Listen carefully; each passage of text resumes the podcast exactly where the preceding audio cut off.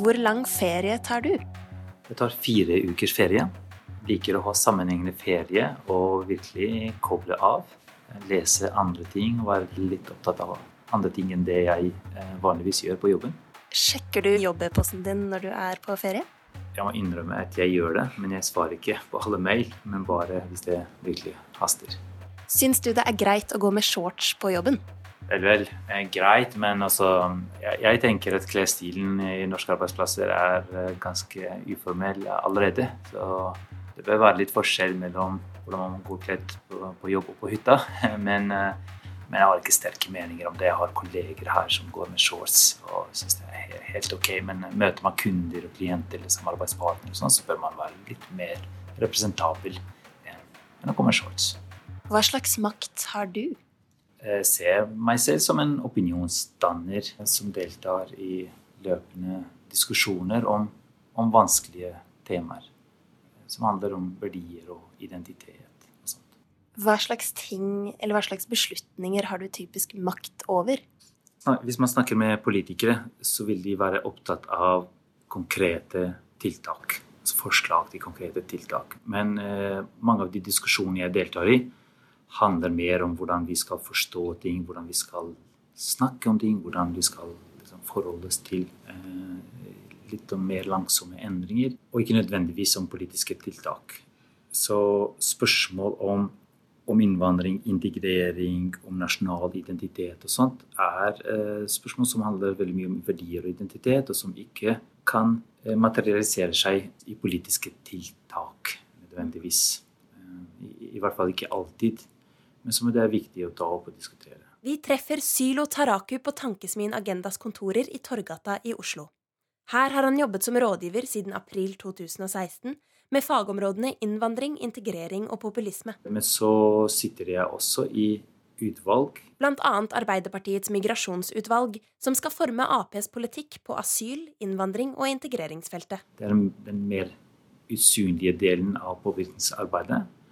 Man kan også problematisere det at, eh, at utvalg sitter og tar viktige beslutninger uten at så mange er involvert. Og disse utvalgene blir mer og mer Eh, dominert av eksperter og ikke av interessegrupper. Men, men, selv er jeg opptatt av at politikere skal ha best mulig beslutningsgrunnlag, og at politikken skal bli mest mulig kunnskapsbasert, men samtidig kombinere det med bredere debatt etterpå. Er det vanskelig å være usynlig og være en moderat stemme i det debattklimaet vi har i dag? Det kan bli vanskeligere, men, eh, men jeg ser også at eh, i, i diverse konferanser og paneldebatter og sånn, så, så, er det stadig etterspørsel etter eh, personer som kan fungere som brobyggere i sånne vanskelige, vanskelige debatter. Selv er jeg opptatt av å gjøre disse vanskelige debattene rundt identitet, innvandring, integrering og sånt, eh, bidra til å gjøre dem lettere å diskutere. Du beskrives i eh, mediene som bl.a. en viktig modererende stemme i norsk samfunnsdebatt og Bård Vegar Solhjell beskrev deg nettopp som en politisk stemme som uten å være tilknyttet et parti, likevel virker mer interessert eh, i integreringsdebatten enn politikerne. Hvordan har du fått en så unik posisjon? Når man sitter i en tankesmie, så blir det lettere å ta opp slike problemstillinger også.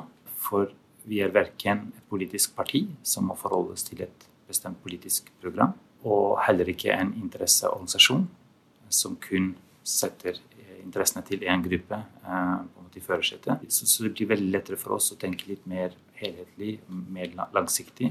Og, og, og veie liksom ulike hensyn opp mot hverandre. Så jeg er veldig opptatt av å ha en tydelig standpunkt, men samtidig synliggjøre de ulike hensynene. Hva er eh, drivkraften din?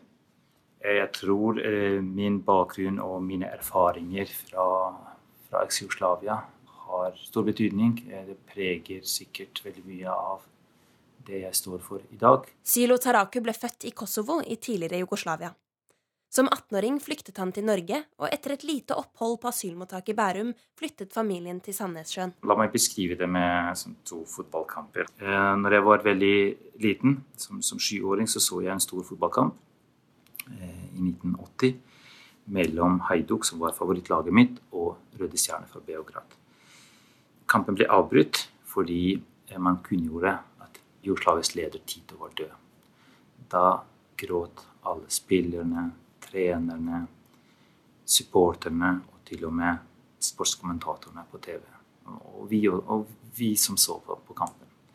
Det var veldig sterkt samhold og sterke scener.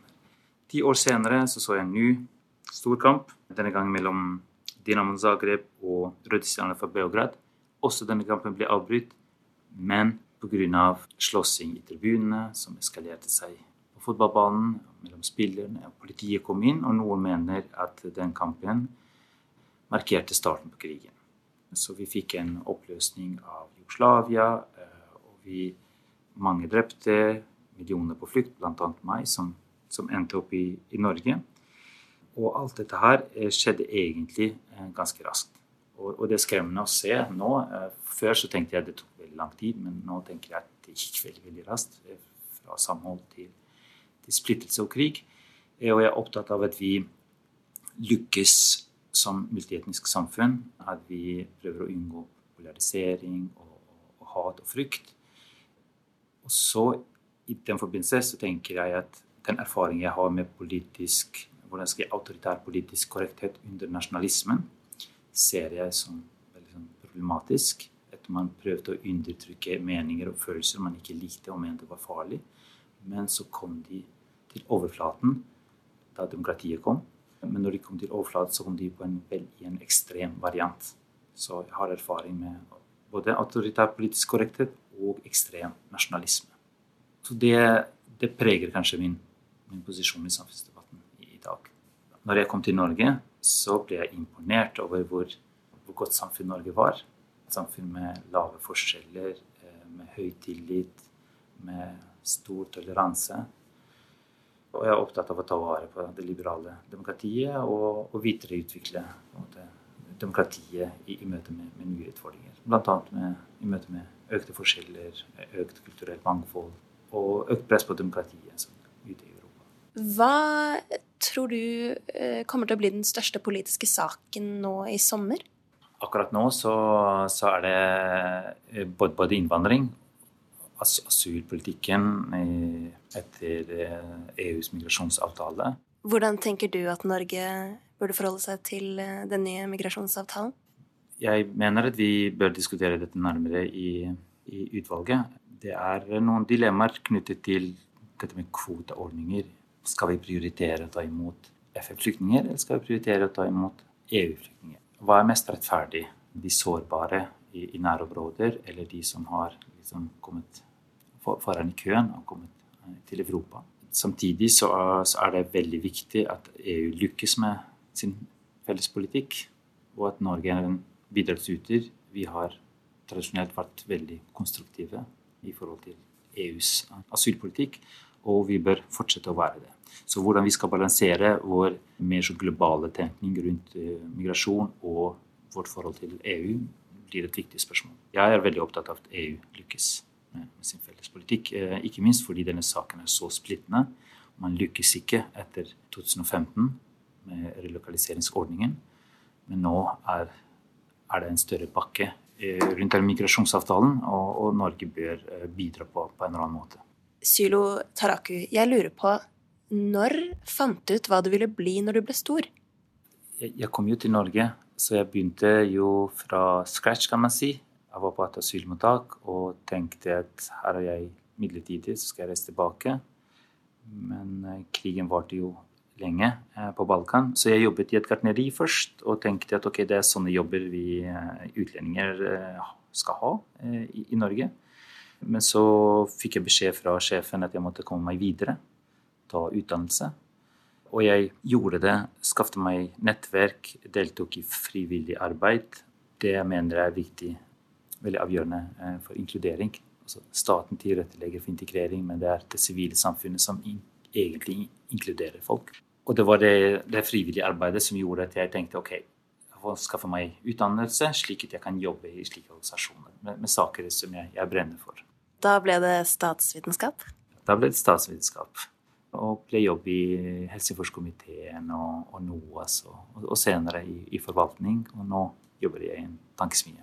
Trives godt her. Og gir ut bøker og syns, det er veldig spennende og, og, et privilegium å kunne få lov til å jobbe med, med folkeopplysning og, og delta i debatten.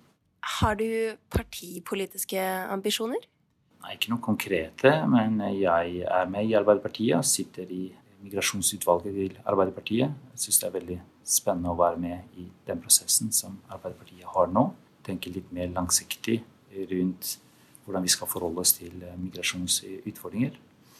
Mm, så jeg ser frem til både den rapporten og, og diskusjonen i etterkant. Og vi er også opptatt av å skape diskusjoner underveis i den prosessen. Apropos det jeg snakket om, at utvalg skal ikke være en liten gruppe som skal ha stor innflytelse, men som skal egentlig generere bredere debatt. En dimensjon av min deltakelse eh, er at jeg har også innvandrerbakgrunn.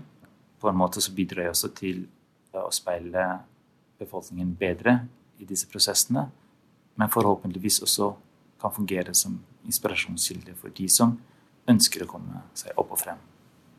Kom det godt frem at det, er, det, det handler om innvandrere som ønsker å komme seg ja. opp og frem? Ja, nettopp. jeg, jeg skulle si det.